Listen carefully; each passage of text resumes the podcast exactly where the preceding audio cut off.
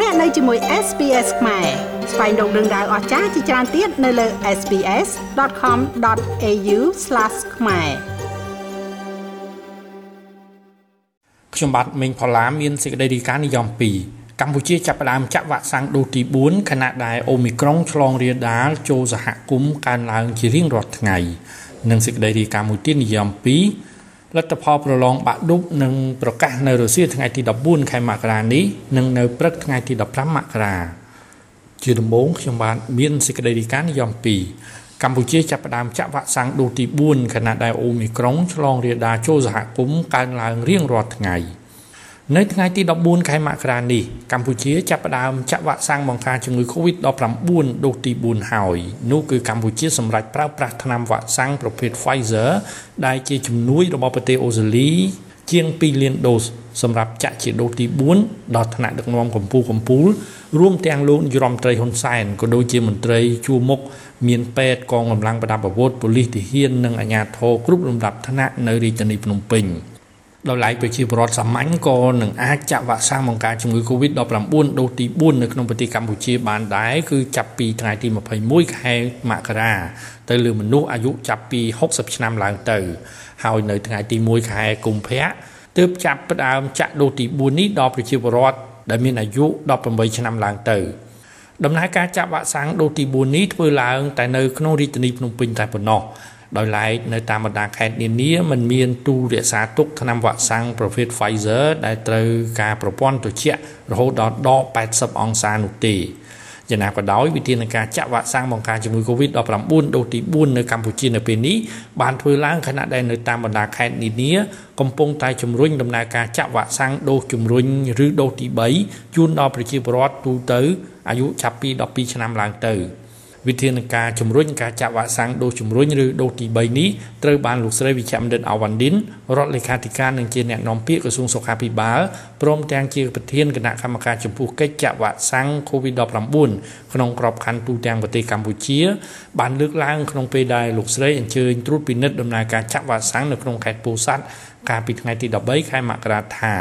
ក្រៅពីរៀបចំកន្លែងចាក់វ៉ាក់សាំងតាមស្រុកនិងតាមទីរួមខេត្តគឺអាជ្ញាធរសមត្ថកិច្ចនឹងរៀបចំក្រុមគ្រូពេទ្យស្ពាយថ្នាំវ៉ាក់សាំង COVID-19 ចុះចាក់ជូនប្រជាពលរដ្ឋនៅតាមភូមិបើសិនជាប្រជាពលរដ្ឋពិបាកក្នុងការធ្វើដំណើរមកទទួលថ្នាំវ៉ាក់សាំងខ្ញុំក៏បានណែនាំបន្ថែមដែរថាការចាក់វ៉ាក់សាំងនេះជាការជួយផ្ដល់សេវានេះធ្វើម៉េចឲ្យកាន់តែខិតជិតទៅដល់ដៃបងប្អូនប្រជាពលរដ្ឋរបស់យើងនោះ គឺយើងអាចនឹងស្ពាយនៅធុងវ៉ាក់សាំងនេះដើម្បីទៅចាក់ជូនពួកគាត់ទៅដល់ផ្ទះសម្បែងនៅពេលណាដែលបុគ្គលនោះគាត់មានបញ្ហាឬគាត់មិនមិនអាចនឹងធ្វើដំណើរមកទទួលយកវ៉ាក់សាំងបានអញ្ចឹងកូនគូពេទ្យយើងគាត់នឹងអនុវត្តទៅតាមនេះជាបឋមគឺយើងប្រមូលគាត់មកចាក់ហើយយើងនឹងចាត់ចែងរៀបចំក្នុងការផ្ដល់នៅសេវានេះនៅតាមភូមិឃុំចាប្រមូលគាត់ទៅហើយចាក់ខ្ញុំបានណែនាំទៅអាដាមប្រធានមន្ត្រីសុខាភិបាលខេត្តពោធិ៍សាត់រួចហើយ ចាខ្ញុំថាជាការល្អយើងប្រមូលគាត់មកភូមិអញ្ចឹងទៅឬក៏មកឃុំអញ្ចឹងទៅហើយរៀបចំក្រុមគ្រូពេទ្យដើម្បីឲ្យចុះទៅដល់ភូមិឃុំរបស់គាត់ហើយយើងផ្ដល់វ៉ាក់សាំងនឹងជូនគាត់តែម្ដងពីព្រោះលើកនេះវាខុសពីយុទ្ធនាការលើកមុនលើកយុទ្ធនាការលើកមុនយើងត្រូវការពីរដងតែលើកនេះអត់ទេយើងទៅតែម្ដងគឺហើយហើយ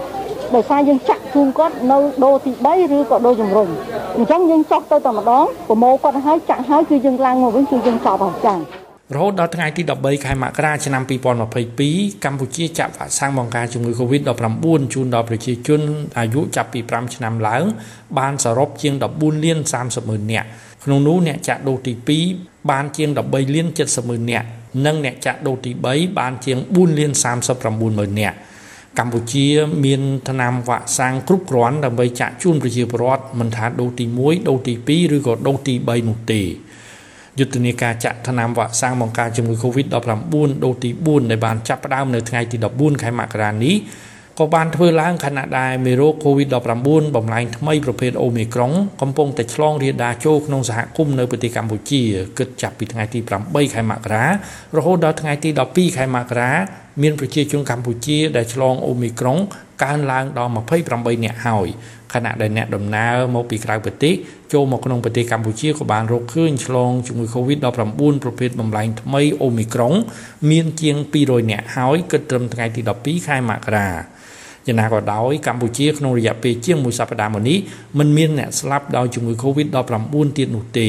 ខណៈដែលចំនួនអ្នកស្លាប់នាពេលកន្លងមកមានចំនួន3015នាក់និងមានអ្នកឆ្លង Covid-19 សរុបគិតត្រឹមថ្ងៃទី12ខែមករានៅកម្ពុជាមានជាង120,000នាក់